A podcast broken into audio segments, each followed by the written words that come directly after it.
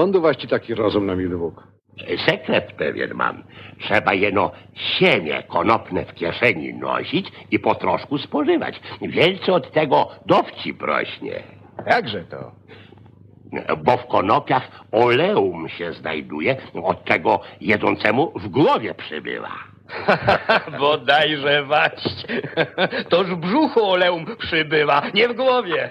Na wszystko jest sposób. Trzeba co najwięcej wina pić. Oleum, jako lżejsze, będzie na wierzchu. Wino, idąc do głowy, poniesie je ze sobą. Pewnie się zastanawiacie, co w pogawędniku filozoficznym robi Zagłoba z filmu Pan Wołodyjowski z roku 1969 w interpretacji Kazimierza Wichniarza. Czyżbyśmy chcieli zamienić filozofię rozumianą po akademicku na sarmacko-szlacheckie mędrkowanie? Niekoniecznie. Powód do tego jest dość poważny.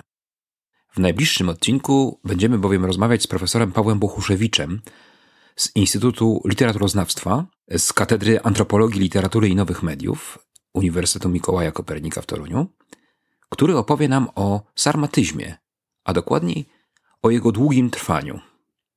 Rzecz nie będzie czysto historyczna, ale dotykająca jak najbardziej współczesnych spraw. Zapraszamy już w najbliższy poniedziałek.